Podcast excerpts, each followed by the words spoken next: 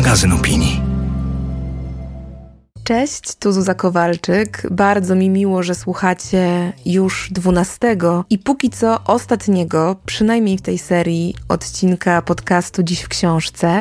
Ostatni odcinek, więc i przynajmniej dla mnie wyjątkowy temat. Będzie filozoficznie, będzie refleksyjnie, będzie dość szeroko społecznie, ponieważ tym razem spróbuję przyjrzeć się temu, co dotyka i kształtuje nas dziś przez pryzmat książki Zygmunta Baumana Etyka ponowoczesna. Będzie więc o współczesnych wyzwaniach moralnych, o zderzeniu indywidualizmu z odpowiedzialnością za to, co wspólne, o układaniu się z innością, a także o tym, jak określać fundamenty etyczne w świecie, który jest, no, niezwykle płynny i zmienny. O tym wszystkim, jak zawsze, najpierw trochę opowiem, a później porozmawiam. I tym razem będę rozmawiać z reporterem i dziennikarzem, autorem świetnej biografii Zygmunta Baumana Wygnaniec 21 scen z życia Zygmunta Baumana, Arturem Domosławskim. Dziś w książce to podcast o lekturach, które najtrafniej tłumaczą współczesny świat. Co miesiąc opowiadam i rozmawiam z gośćmi o literaturze, która posłuży nam za pretekst i soczewkę do przyglądania się teraźniejszości. Podcast powstaje we współpracy z Wrocławskim Domem Literatury i Wrocławiem, miastem literatury UNESCO. Zapraszam, Zuzanna Kowalczyk.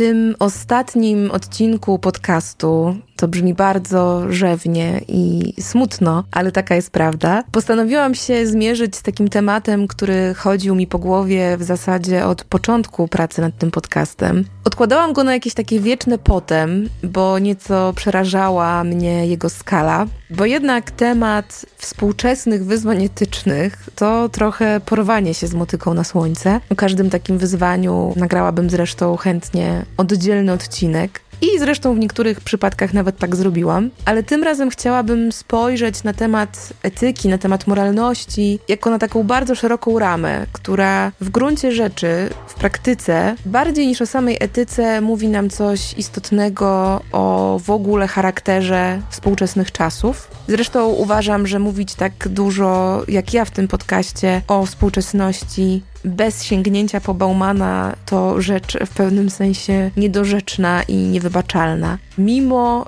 a może właśnie dlatego, że Bauman to jeden z najwybitniejszych polskich naukowców i humanistów, a jednocześnie myśliciel bardzo w Polsce niedoceniony i pozostający z Polską w dość trudnej relacji. Wielu uważa Baumana za taką dość kontrowersyjną postać, więc również w kontekście rozmów o moralności, tym bardziej jest to postać niejednoznaczna, Przede wszystkim ze względu na jego zaangażowanie w partię komunistyczną, czyli jak wiemy, temat w Polsce no czasem ciężko mi uwierzyć, że wciąż aż tak, ale jednak wybitnie newralgiczny. Bauman zresztą tej swojej młodzieńczej wiary w socjalizm nigdy się nie wyparł i do końca życia pozostał jej w pewnym sensie wierny. Zresztą echa tego przekonania, że pomimo koszmaru, jaki komunizm się przeobraził, to te stojące za nim ideały miały bardzo ważną myśl przewodnią. Te echa właściwie słychać w jego twórczości do ostatniej książki. Bauman urodził się w 1925 roku. Zmarł zaledwie 5 lat temu, bo w roku 2017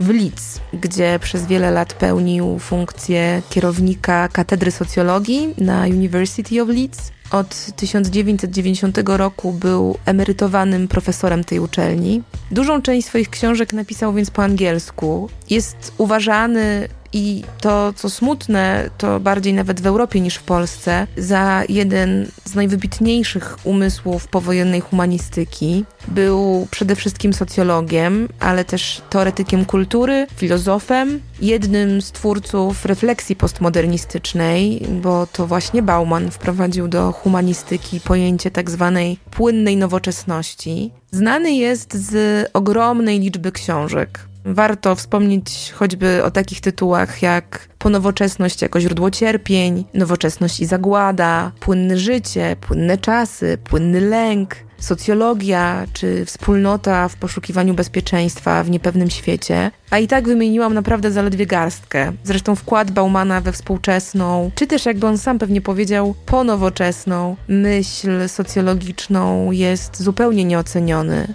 I w przypadku Baumana nie była to też taka myśl socjologiczna rozumiana jako analiza badań ilościowych, ponieważ Bauman bardziej zajmował się taką społeczną refleksją nad kierunkiem zmian społecznych, nad kondycją jednostki w powojennym świecie, no i właśnie nad tym, jak w tym całym kołowrotku przeobrażeń współczesnego świata odnajduje się nasza moralność, nasze człowieczeństwo, jakaś taka istota ludzkiego bytu i nasze osadzenie się w kulturze i pewnych wyobrażeniach o świecie.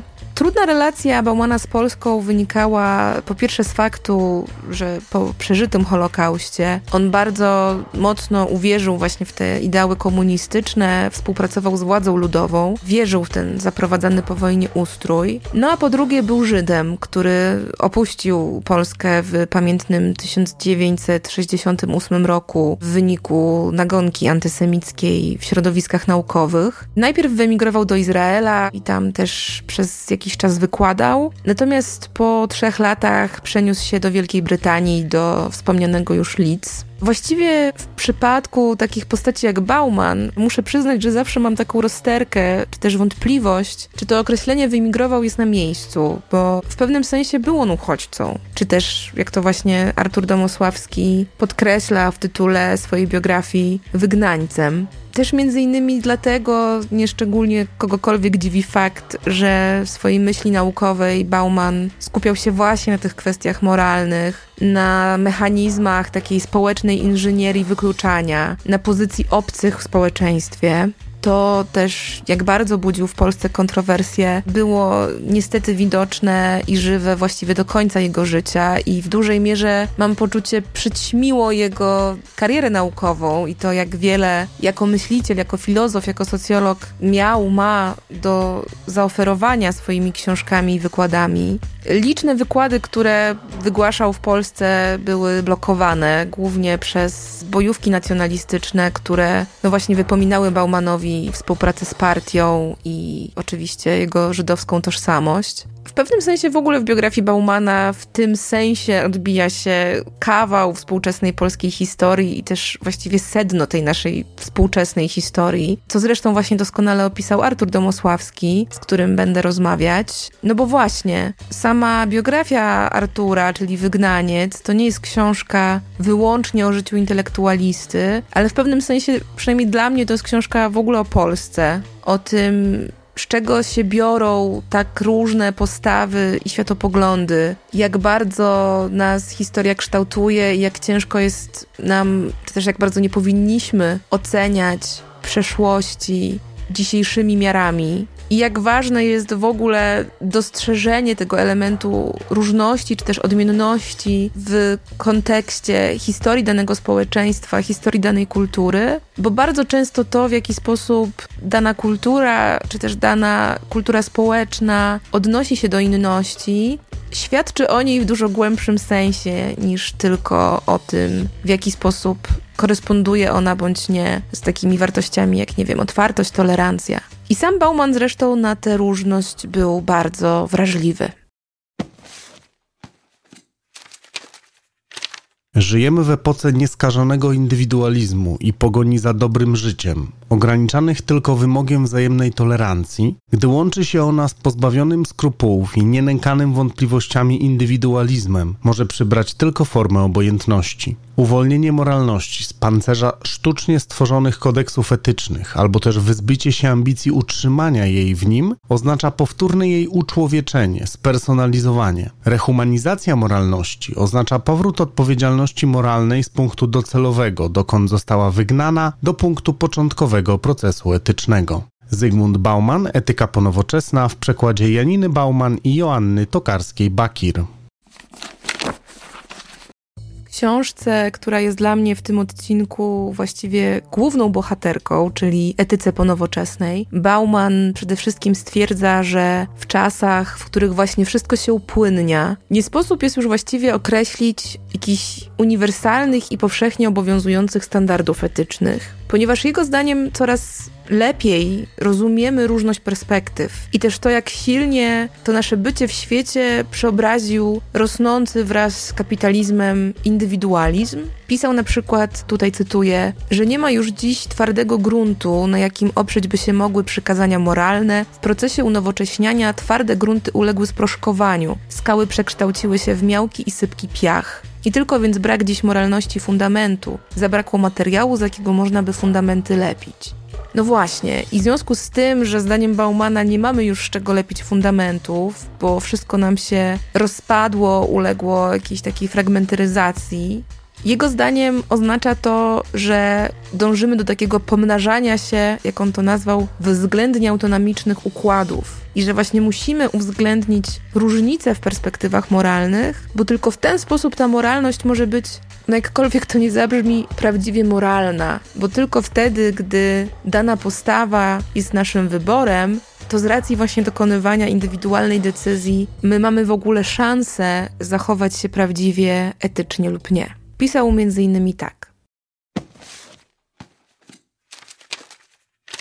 Pod maską propagowania etycznego uniwersalizmu społeczeństwa nowoczesne kultywowały moralność zaściankową. Rezygnując z proroctw o nadciągającej erze etycznej uniwersalizmu, ponowoczesność rozdarła i odsunęła grubą zasłonę mitów, spowijających kondycję moralną ludzi wspólną im na długo przed tym, gdy dało o sobie znać różnicujące wpływy nieskoordynowanych wysiłków etycznego ustawodawstwa.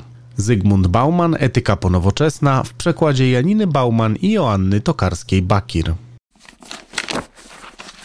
A więc w pewnym sensie Bauman podkreślał, że narzucane odgórnie kodeksy etyczne często bywają w praktyce pewną formą przemocy i że narzucanie właśnie jednej ciasno zakrojonej, zazwyczaj do wizji jednej grupy społecznej, wizji ładu społecznego, bywa taką formą uzurpowania sobie prawa do układania świat pod siebie, a nie pod wszystkich członków danej społeczności. I bardzo ciekawie tłumaczył to w jednym z udzielonych wywiadów, w wywiadzie przeprowadzonym w ramach akcji Rytuał 3, kombinat zagłady. Tłumaczył to metaforą ogrodu. Posłuchajcie. Ktokolwiek miał kiedykolwiek właśnie ogród, wie o tym, że zanim zakwitły kwiaty i rozrosły się krzaki posadzone w tym ogrodzie, miał już pewną wizję doskonałego ogrodu, gdzie co powinno być, i kiedy, w jaki sposób osiągnąć e, estetyczną harmonię na tym skrawku ziemi otoczonym płotkiem. W momencie, kiedy pojawił się ten wzór idealny, ten pomysł na harmonię ogrodową, e, wszystkie wszyscy ewentualni mieszkańcy tego ogrodu, wszystkie rośliny, jakie tam miały e, zakorzenić się, podzieliły się raptownie na dwie kategorie. Znaczy roślin użytecznych, te, które miały miejsce w tym nowym ładzie, w tej harmonii przyszłej i wszystkie inne rośliny, które tam nie były zaplanowane, tam się nie mieściły i te rośliny e, stały się chwastami.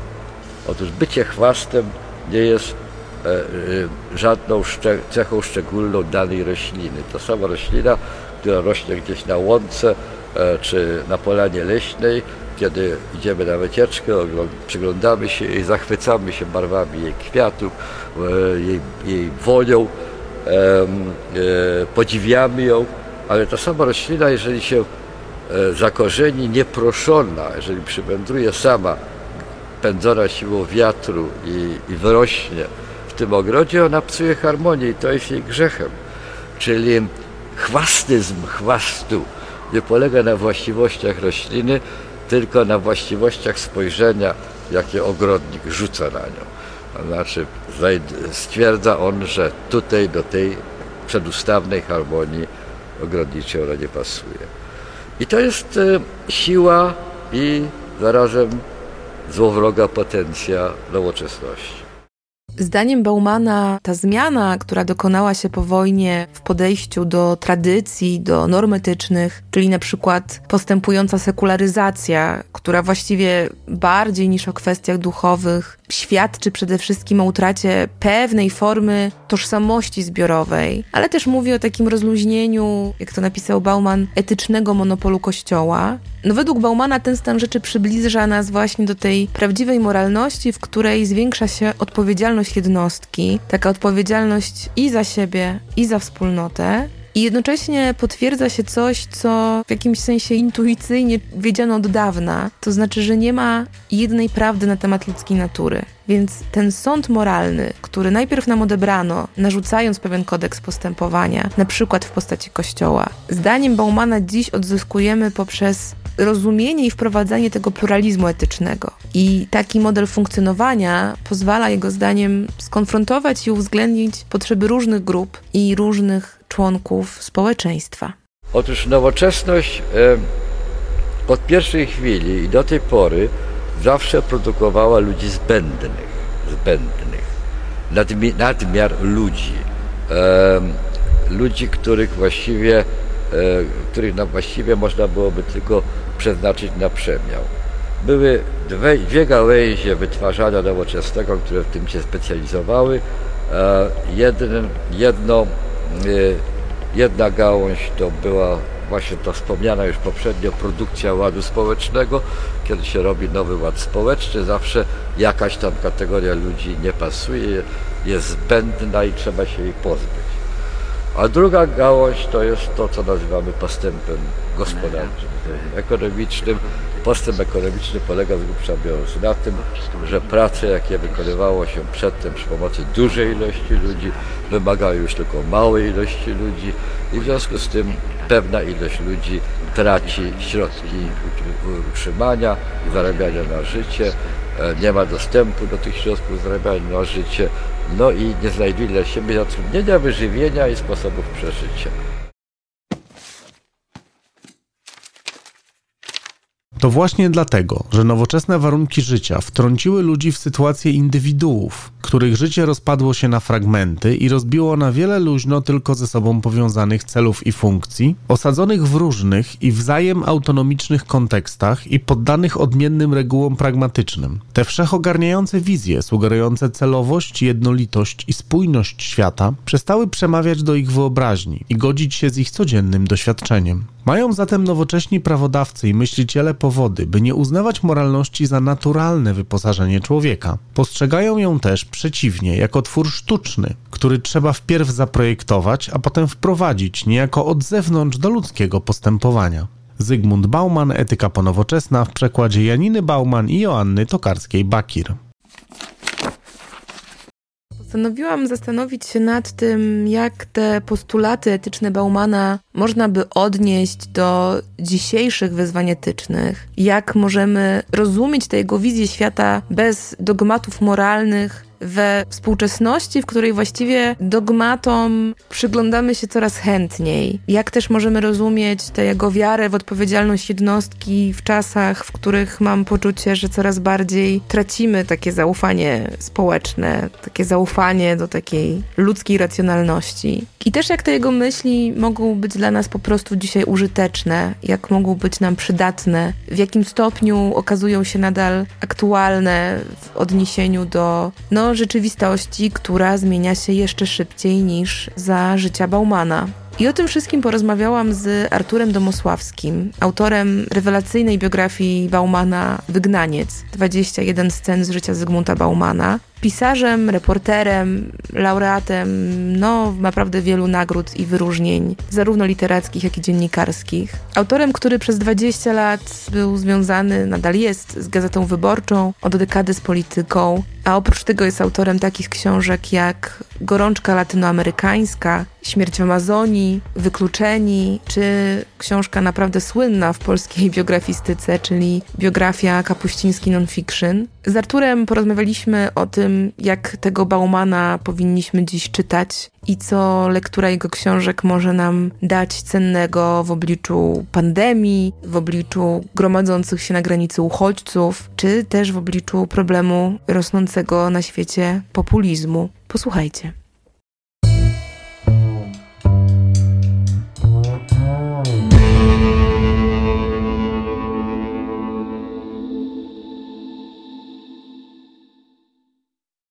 Z góry Cię przepraszam, że zaczynamy w taki sposób, bo zdaję sobie sprawę, że pewnie wszyscy zaczynają rozmowy z Tobą na temat Baumana od tego samego pytania, co pewnie może być trochę kłopotliwe, ale jednak skoro mamy rozmawiać o aktualności myśli Baumana, o tym, w jaki sposób on w ogóle jest dla nas użyteczny dzisiaj, to znaczy jego myśl w jaki sposób jest użyteczna dla nas dzisiaj, to jednak jakoś na początek wydaje mi się to istotne, żebyś powiedział kilka słów, dlaczego Bauman, to znaczy dlaczego właśnie Baumanem postanowiłeś zająć się biograficznie? Przede wszystkim dlatego, że przejął mnie bardzo jego los. Myślę, że to życie zasługuje na uwagę i opowiedzenie, niezależnie od tego, jak żywa bądź nieżywa, jak aktualna bądź nieaktualna jest jego myśl. Myślę, że tak jak czasem humaniści lubią mówić, że tekst jego życia jest w jakimś sensie tak samo istotny jak to, co napisał. I takim impulsem było po prostu przejęcie się jego losem tym, co go spotkało w Polsce,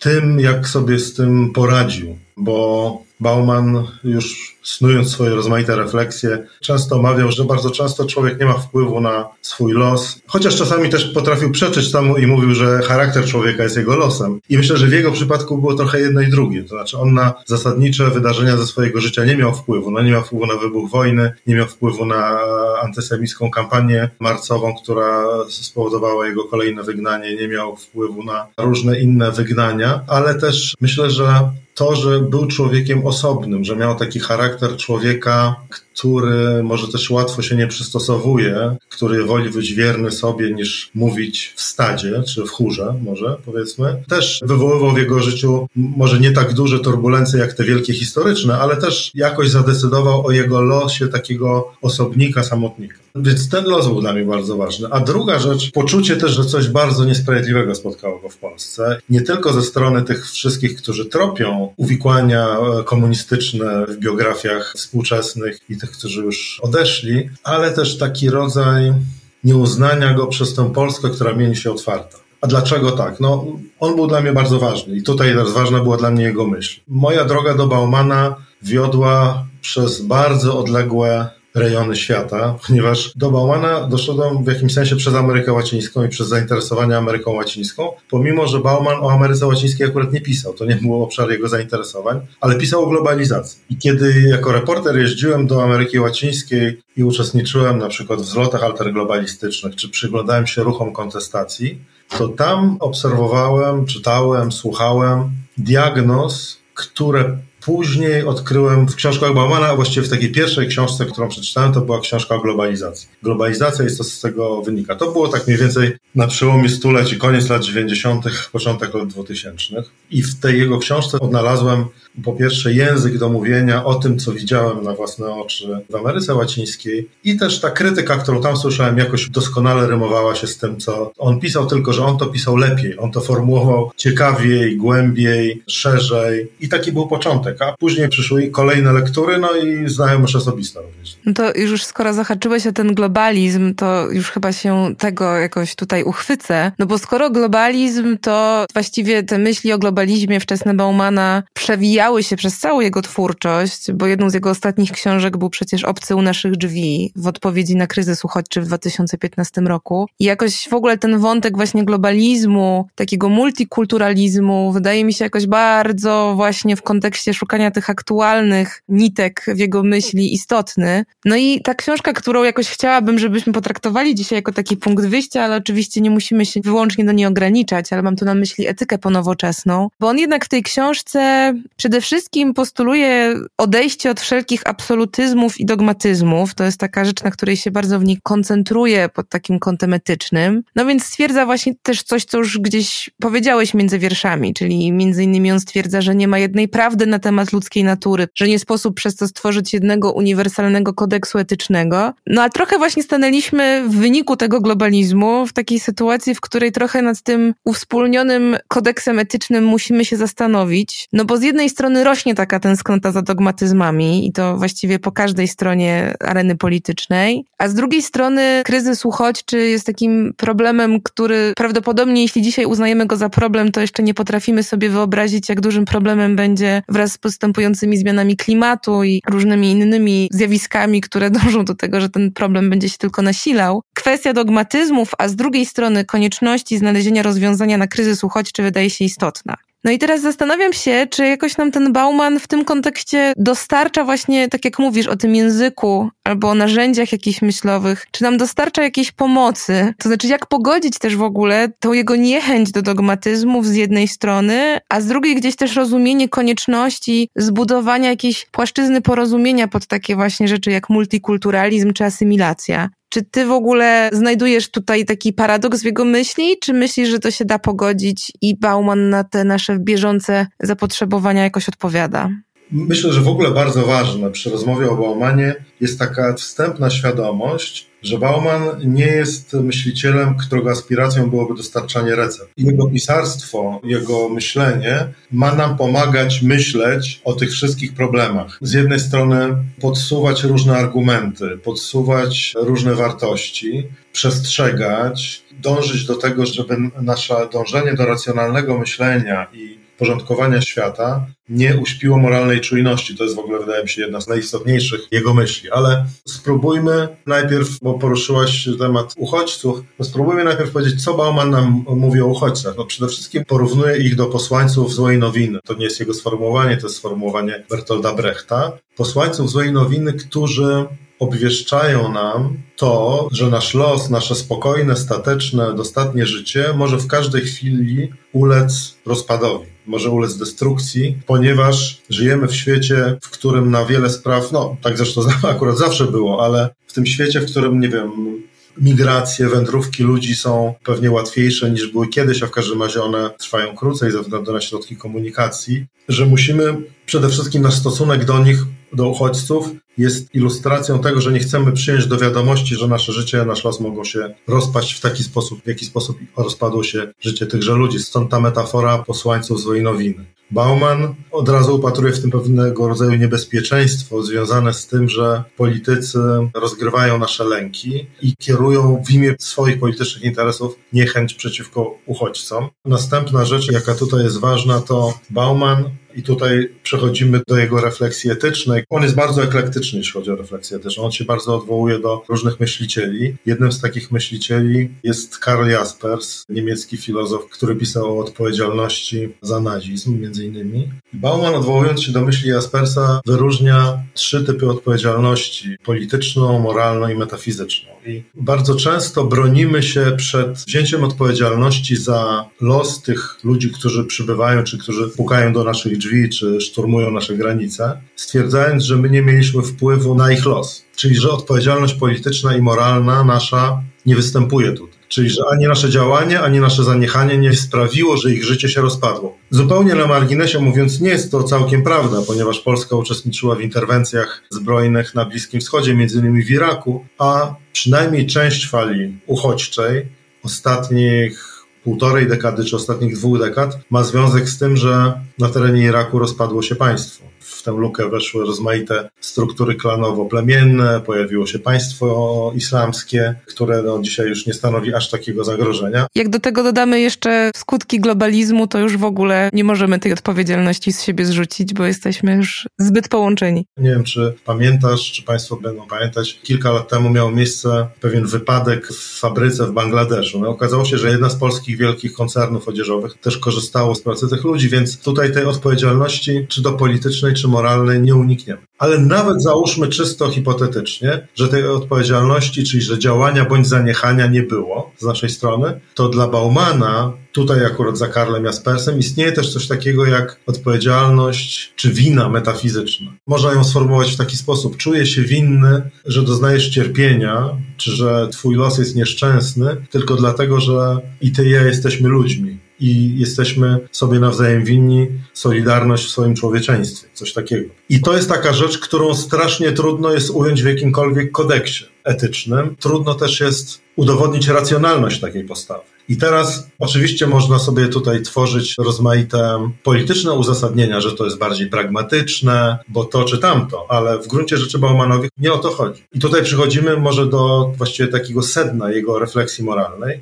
Bauman powiada, że kodeksy, przykazania, prawa nie zabezpieczyły nas, nas, czyli ludzi i ludzkości, przed najokropniejszymi zachowaniami, zbrodniami powiedzmy XX wieku, no akurat tych zbrodni on jako świadek historii był świadkiem. One nas nie zabezpieczyły. Co więcej, bardzo często kodeksy i prawa służyły jako uzasadnienie do dokonywania zbrodni. Wszystko jedno, czy mówimy tutaj o kodeksach moralnych, czy mówimy o kodeksach cywilnych, karnych, czy jakichś innych kościelnych. W związku z tym Bauman zastanawia się, co powinno być źródłem moralności. I dochodzi też, przepracowując ustalenia i refleksje innych filozofów, między innymi Emanuela Levinasa i takiego duńskiego teologa Lokstrupa, nie wiem, czy dobrze wymawiam to nazwisko, że zachowanie moralne wyprzedza wszelkie społeczne normy i reguły. Czyli, że istnieje w nas coś takiego, co Bauman nazywa jaźnią moralną. Czyli jesteśmy immanentnie zdolni do moralnych zachowań.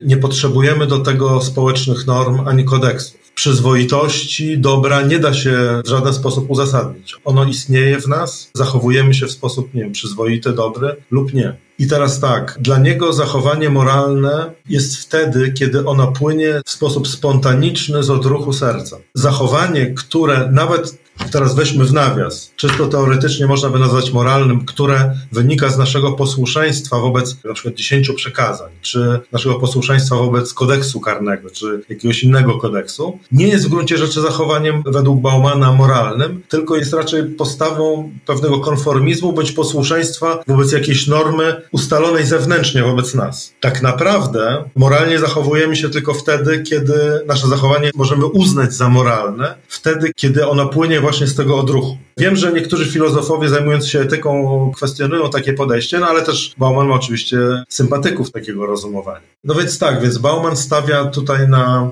wierze w człowieka, można tak powiedzieć. No tak, bo on bardzo silnie podkreśla tą właśnie rolę odpowiedzialności jednostki, czyli tego, że żeby wybór był moralny, to właśnie musi być wyborem, prawda? Czyli nie może być narzucony nam odgórnie, tylko musi być jakimś takim aktem woli, jakąś osobistą decyzją. No i o ile intuicyjnie oczywiście nie sposób się z tym nie zgodzić, on to też oczywiście osadza bardzo mocno w takich, no w ogóle diagnozach naszej współczesności, czyli tym, jak nasze czasy się zindywidualizowały i jak wszystko staje się prawda, płynne, chwiejne, no to jednak w kontekście tej odpowiedzialności jednostki i tych dogmatyzmów, my dziś mam takie poczucie, stajemy przed jakimś takim ogromnym wyzwaniem, żeby pogodzić te kwestie. Kwestia asymilacji uchodźców, jakiegoś takiego ustalenia norm w kontekście multikulturalizmu jest dla mnie tutaj jednym ogniwem, ale drugim, który też ci zagaiłam przed naszą rozmową, który jakoś pewnie jest odważne próbować to jakoś obejść Baumanem, ale jednak spróbujmy, to jest choćby kwestia naszej dzisiejszej postawy wobec pandemii. I zdaje mi się, że w ogóle pandemia w ciekawy sposób zderza nam te różne rzeczy, o których pisze Bauman. Trochę jest takim, no właśnie, testem tej odpowiedzialności jednostki, no chociażby w kwestii szczepień, na ile możemy właśnie zostawić te kwestie etyczne tej jednostce, żeby ona podejmowała decyzje zgodne ze swoim sumieniem, a na ile jednak potrzebujemy tych kodeksów i na ile potrzebujemy jakichś regulacji odgórnych, bo inaczej wszyscy pójdziemy na dno. I właściwie ten dylemat jest jakiś taki, mam poczucie, nieustannie powracający. Zastanawiam się, czy Bauman też ten dylemat w twoim odczuciu widział i jakoś na niego znajdował odpowiedź. Moim zdaniem on w ogóle nieustannie wystarczająco widział życie człowieka jako pełne sprzeczności. Zresztą w ogóle nasze zachowania moralne też są bardzo często sprzeczne, bo jakieś zachowanie moralne może też wywoływać jakieś uboczne skutki, które wcale nie muszą być dla wszystkich uczestników danej sytuacji dobre, prawda? Ponieważ on upatrywał nie tyle gwarancji, co pewnej szansy w nieustającej niepewności, bo kodeksy właśnie reguły dają nam pewność. Natomiast zachowania moralne zawsze pozostawiają nas w pewnej niepewności co do tego, czy rzeczywiście zrobiliśmy wszystko, żeby, nie wiem, jakiejś sytuacji zaradzić. To jest trochę tak, on zresztą też taką się posługiwał formułą, że trochę to jest tak, jak że dobra demokracja nigdy do końca nie jest z siebie zadowolona, tak człowiek moralny nigdy nie może być z siebie do końca zadowolony, bo pozostaje w nim taka niepewność, a może mogłem zrobić więcej, może mogłem zrobić coś lepiej.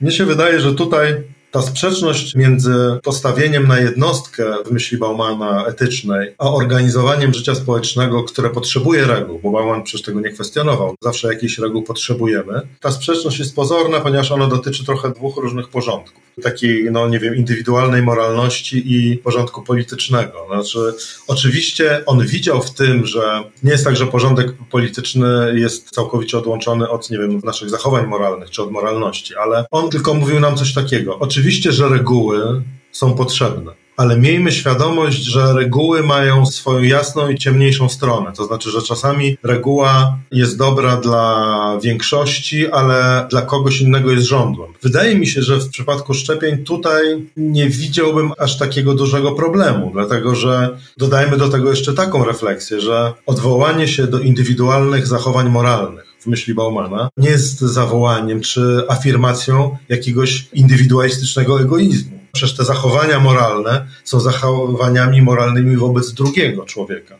wobec innych ludzi. W związku z tym właśnie dobrze, że sobie to przypomnieliśmy, bo mogło powstać takie wrażenie, że Bauman jest apologetą jakiegoś, prawda, indywidualistycznego, wręcz przeciwnie. Kiedy został kiedyś zapytany, jaki ideał moralny przyświeca jego rozważaniom o moralności, to powiedział coś takiego, poczucie zadania do spełnienia, zadania wykraczającego poza pospolitą troskę o przeżycie i ponad nią się wynoszącego. Czyli, że w tym jakby moralne zachowanie jest wtedy, kiedy towarzyszy mu troska o innego człowieka. Więc wydaje mi się, że tutaj pewnego typu nakaz odgórny, szczepień, o które pytasz, nie pozostaje w sprzeczności z tym, co Bauman sądził o indywidualnych zachowaniach moralnych. Oczywiście można sobie wyobrazić sytuację ludzi, którzy ze względów, nie wiem, czysto medycznych nie mogą przyjmować szczepień, ale to jest, mi się wydaje, że to jest tak niewielki margines, że bardzo wątpię, żeby większość chciała szykanować czy represjonować ludzi, którzy nie mogą po prostu tych szczepień przyjąć. To może ich narazić na pewne administracyjne kłopoty, że w jakiejś sytuacji nie będą mieli paszportu covidowego, prawda? Możemy sobie wyobrazić taką sytuację, ale to jest bardziej obszar do rozważań natury polityczno-prawnej niż refleksji moralnej.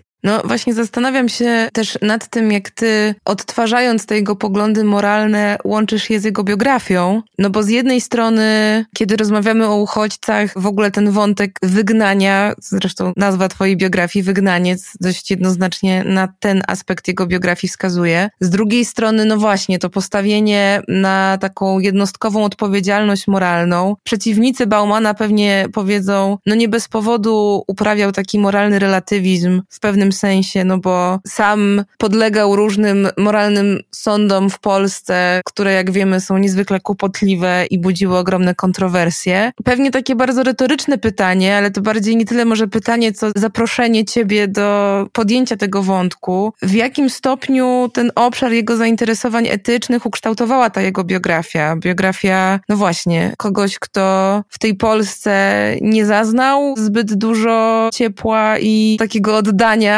kogoś, kto, co jest absolutnie przerażające i smutne, no jako jeden z najwybitniejszych humanistów XX wieku w Polsce, pozostaje nadal jakąś taką poboczną postacią. Jakieś książki Baumana wcale po polsku nie chodzą w jakichś imponujących liczbach kopii i wydań. Jak te wszystkie wątki jego biografii, niezwykle przecież ciekawej, trudnej i złożonej, się w tych jego rozważaniach etycznych odnajdują? Jego biografia była dla niego samego jako myśliciela pisarza niezwykłym materiałem. źródłowym i można powiedzieć, Bauman prowadził badania terenowe na własnym życiu w jakimś sensie, czy jakby życie prowadziło na nim badania terenowe, które później służyły mu do pisania książek. Ja myślę, że tutaj na pewno ogromną rolę odegrały i doświadczenia II wojny światowej, i zagłady, doświadczenie jego również z komunizmem, którego nie wyrzekał się. Zachował krytyczny osąd, ale nie wyrzekał się tego wyboru, co wydaje mi się niezwykle ważne też w takim kontekście, no, że był to człowiek, który nie uchylał się od odpowiedzialności i który z tą odpowiedzialnością chciał się mierzyć, a równocześnie uważał, że nowe czasy przynoszą refleksję, która nie pozwala wcale lepiej zrozumieć tamtego doświadczenia, dlatego tego swojego wyboru powojennego też bardzo bronił. Uważał, że jego refleksja moralna i sprzeciw wobec kodeksów etycznych był skutkiem upadku rozmaitych nowoczesnych aspiracji do racjonalnego ułożenia życia społecznego. Bauman uważał, że i to jakby wywiódł no, trochę ze swojego życia, trochę z życia ludzi swojego czasu, że racjonalne porządkowanie życia społecznego aspiracje modernizacyjne, które są pozbawione moralnej czujności, mogą prowadzić do największych tragedii, takich jaką był Holokaust. Holokaust w opinii Baumana nie tyle jest jakąś istotą nowoczesności, bo nie jest, bo przecież nowoczesność powstała jako aspiracja człowieka do kierowania się ustaleniami nauki i rozumem, ale Bauman pokazuje w swojej refleksji moralnej i nie tylko, no też w swojej socjologii, pokazuje do czego zdolny jest rozum człowieka i do czego była zdolna nowoczesność, do jakich ostatecznych konsekwencji mogła doprowadzić, właśnie dlatego, że uśpiona była moralna czujność człowieka. Ale tutaj się odsłania jeszcze inny, bardzo ważny w moim przekonaniu aspekt myśli Baumana. Częściowo etycznej, ale nie tylko tej etycznej. Mianowicie, co wynika dla nas z tego, że żyjemy w nowoczesnym, bardzo skomplikowanym społeczeństwie, społeczeństwie wielu zależności. Społeczeństwie, w którym procesy przypominają długie łańcuchy pokarmowe i bardzo często nie mamy świadomości, co się dzieje na różnym z etapów tego długiego łańcucha. Jednym z takich łańcuchów jest nasza gospodarka. Bauman na przykład rozważa taki przykład nowoczesności i zagładzie, ale on nie dotyczy akurat tutaj zagłady, tylko przykład robotników w jakiejś fabryce broni, którzy cieszą się z koniunktury, z tego, że rosną ich zarobki, że firma znajduje się w dobrej kondycji, a równocześnie, nie wiem, wieczorem oglądają w programie telewizyjnym relacje o jakiejś morderczej wojnie powiedzmy gdzieś w Afryce i zazwyczaj nie zadają sobie pewnie pytania o to, czy być może ta broń, którą produkują i dzięki której produkcji ich firma przeżywa prosperity, a oni żyją w dobrych warunkach, że być może z tej broni ci ludzie, nad losem których ubolewają, właśnie się zabijają.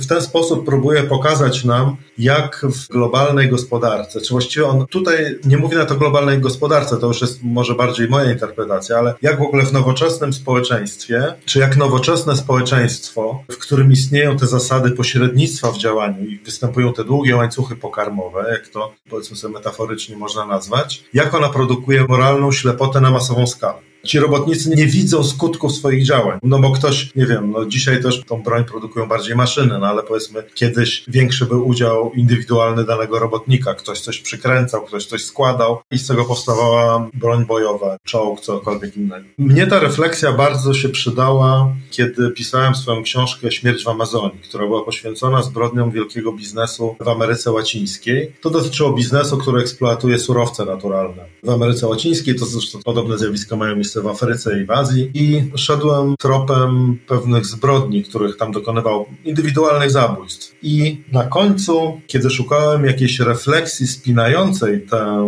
reporterską pracę, właśnie przypomniałem sobie o nowoczesności i zagładzie i o rozważaniach Baumana na temat nowoczesnego społeczeństwa, w którym występuje ta zasada pośrednictwa w działaniu, o którym mówiliśmy. I ta refleksja Baumana spięła mi w jakimś sensie tę opowieść. Nie chcę przez to powiedzieć, że my jako konsumenci klienci, konsumenci nie, samochodów, mebli wytworzonych z jakiegoś drogiego drewna czy pysznej wołowiny, że my jesteśmy jakoś jednoznacznie moralnie odpowiedzialni za zbrodnie, które dokonują się tam gdzieś daleko, tysiące kilometrów od naszych domów, ale z całą pewnością nie możemy powiedzieć, że nie bierzemy udziału, że nie jesteśmy beneficjentami tego procesu, czy że nie bierzemy udziału w tym łańcuchu że nie bierzemy udziału w podziale łupów, można tak powiedzieć. Jesteśmy beneficjentami tego procesu, tego różnych procesów i bardzo często nie widzimy tego, co było na początku, czyli że nie wiem, mogła zostać popełniona zbrodnia na ludziach, którzy sprzeciwiali się wycince lasu. Z tego drewna drogiego zostało wytworzone, nie wiem, meble, gorsze drewno zostało spalone na węgiel drzewny, który został sprzedany hutom miejscowym i one z tego wyprodukowały surówkę hutniczą, z surówki się produkuje stal, ze stali się produkuje sprzęt AGD, samochody i tak dalej. Czy wreszcie na tym wyniszczonym obszarze posadzono trawę i zrobiono pastwisko dla krów i my konsumujemy tę wołowinę. Bardzo ważne jest, żeby pamiętać o tym, że książka Nowoczesność i Zagłada Baumana jest w jakimś sensie książką o zagładzie, ale o wiele bardziej książką o nowoczesności. Zresztą on sam mówił, że kolejne jego książki to jest próba opisania nowoczesności z różnych perspektyw i że on poprzez Holokaust wchodzi w nowoczesność. To nie jest książka, w której poprzez nowoczesność Bauman wchodzi w temat zagłady, tylko odwrotnie. Poprzez zagładę przygląda się temu, do czego jest zdolna nowoczesność w pewnych sytuacjach i pewnych okolicznościach. Wydaje mi się, że w ogóle ta, że to jest jakaś fundamentalna i niezwykle aktualna, żywa część myśli Baumana, która może nie tyle, ona nie daje nam recepty żadnej, ale ona pozwala nam zrozumieć świat, w którym żyjemy. I to dopiero jest jakiś punkt wyjścia do jakichś dalszych refleksji i zastanowienia się, czy coś możemy z tym zrobić, co możemy z tym zrobić. Bauman, jak już mówiłem zresztą na początku, że nie jest myślicielem, który podsuwa nam recepty, ale jest myślicielem, który bardzo pomaga nam myśleć samodzielnie o wielu sprawach podsuwa ciekawe koncepty, obnaża rozmaite mechanizmy, próbuje wzbudzić w nas nieufność wobec, cytuję, kłamstw, w które opakowuje się ludzkie nieszczęścia czy ludzkie cierpienie. On w jakiejś rozmowie powiedział, że jego największa pasja to jest obnażanie kłamstw, w które opakowuje się ludzkie nieszczęście. No, mówił również, że po nowoczesność to nowoczesność bez iluzji. Tak. Czyli, że właśnie chyba dzisiaj coraz bardziej się tej iluzji pozbawiamy, tak byś to rozumiał? Że jesteśmy właśnie w takich czasach prawdy, bo pewnie ciężko w tę stronę. Ta refleksja Baumana dotyczy innego aspektu, to znaczy ona dotyczy wcześniejszych iluzji nowoczesnych, czyli takich istniejących od czasów oświecenia, a których ostatnimi odsłonami był z jednej strony na wschodzie komunizm, a na zachodzie kapitalizm dobrobytu czy państwo dobrobytu, że jesteśmy w stanie zbudować coś w rodzaju idealnego społeczeństwa, jakiegoś idealnego mechanizmu i że na końcu wszelkich naszych wysiłków, takich ładotwórczych, jak to Bauman mówił, że istnieje jakiś koniec drogi, że istnieje wytchnienie na końcu. Koniec historii Fukuyamy. Tak, dokładnie coś takiego, że istnieje jakiś idealny model świata, do którego dążymy. Otóż Bauman, który w młodości też żywił tego rodzaju iluzje, po doświadczeniach swoich uważał, że budowanie lepszego ładu, gościnnego społeczeństwa, jak on to nazywał, bardzo pięknie, jest wysiłkiem, które nie ma końca. Kiedy on mówił o ideałach, kiedy on mówił na przykład o socjalizmie w ostatnich latach życia, to nie miał na myśli jakiejś recepty czy jakiegoś skończonego projektu, w którym ustalony zostanie i opisany każdy aspekt naszego życia. On widział socjalizm jako pewnego rodzaju horyzont, do którego powinniśmy dążyć, jako narzędzie krytyki tego, co mamy dzisiaj, i ten socjalizm jako krytyczne narzędzie i jako horyzont miał nam pomagać w zmienianiu tego świata, który jest. Więc gdy on mówił, że po nowoczesność to jest nowoczesność pozbawiona złudzeń, to raczej miał na myśli no, te aspiracje wcześniejsze i to przeświadczenie, że na końcu drogi istnieje ten docelowy punkt. A ten docelowy punkt nie istnieje. To jest horyzont, który jest ruchomy. Tak, ten socjalizm Baumana to jest dla mnie też takie w ogóle ukoronowanie tej odpowiedzialności jednostki, prawda? Że tam, gdzie on o tej jednostce cały czas mówi właśnie w kontekście podejmowania tych wyborów moralnych, to socjalizm w taki sposób, w jaki widzi go Bauman i opisuje Bauman jako właśnie pewne narzędzie myślenia o świecie, jest właśnie takim modelem społecznym, w którym rozpoznajemy te modele zależności i jednocześnie jakoś w nich funkcjonujemy właśnie z jakimś poczuciem zbiorowej odpowiedzialności za wspólnotę. I to w tym kontekście jest jakoś piękne i myślę nadal nam bardzo potrzebne i bliskie.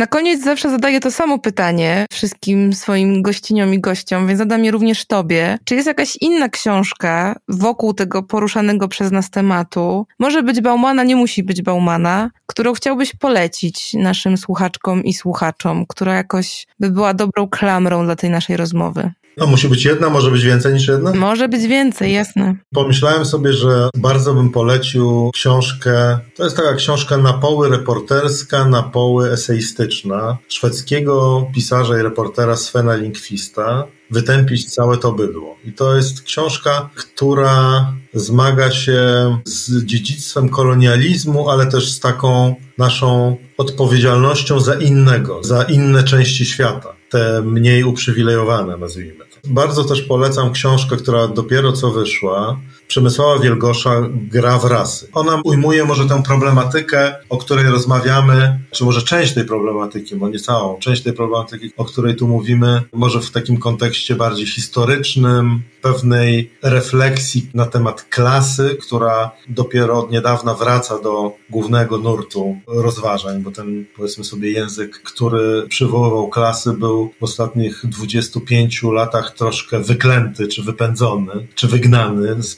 przestrzeni publicznej i od kilku lat ten język wraca. I być może książka, no może nieco trudniejsza i dla osób o takich może większym zacięciu filozoficznym, to jest też książka profesor Magdaleny Środy, Obcy Inny Wykluczony, która też się zmaga z etyczną refleksją Baumana, ale daje taki bardzo erudycyjny przegląd rozmaitych stanowisk filozofów, którzy byli również dla Baumana inspirujący, no i też odwołuje się do myśli etycznej samego Baumana. Tak, to jest dla mnie w ogóle ciekawe, że i z Twoich poleceń, i w sumie z całej naszej rozmowy wyszło na to, że w dużej mierze tak naprawdę rozmawialiśmy o przemocy, a to słowo ani razu nie padło, a wszystkie te książki są tak naprawdę o mechanizmach przemocy. Więc dorzućmy się do tych poleceń oczywiście Wygnańca, 21 scen z życia Zygmunta Baumana. To też myślę absolutnie obowiązkowa lektura i znakomita książka. Bardzo Ci dziękuję, Arturze, za tę rozmowę. Ja się cieszę, że mogliśmy porozmawiać. Dzięki śliczne.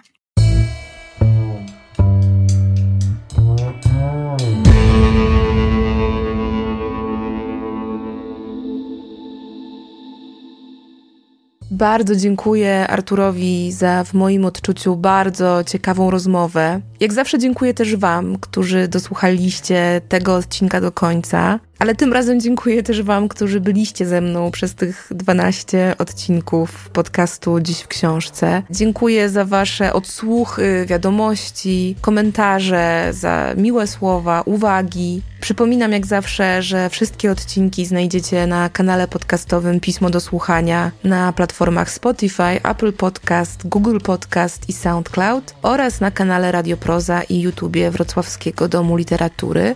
Jako, że to jest ostatni odcinek, to tym razem nie pożegnam się słowami do usłyszenia za miesiąc, choć słuchać możecie mnie na kanałach pisma również w innych podcastach, ale pożegnam się słowami dzięki za wszystko i z całą pewnością kiedyś do usłyszenia.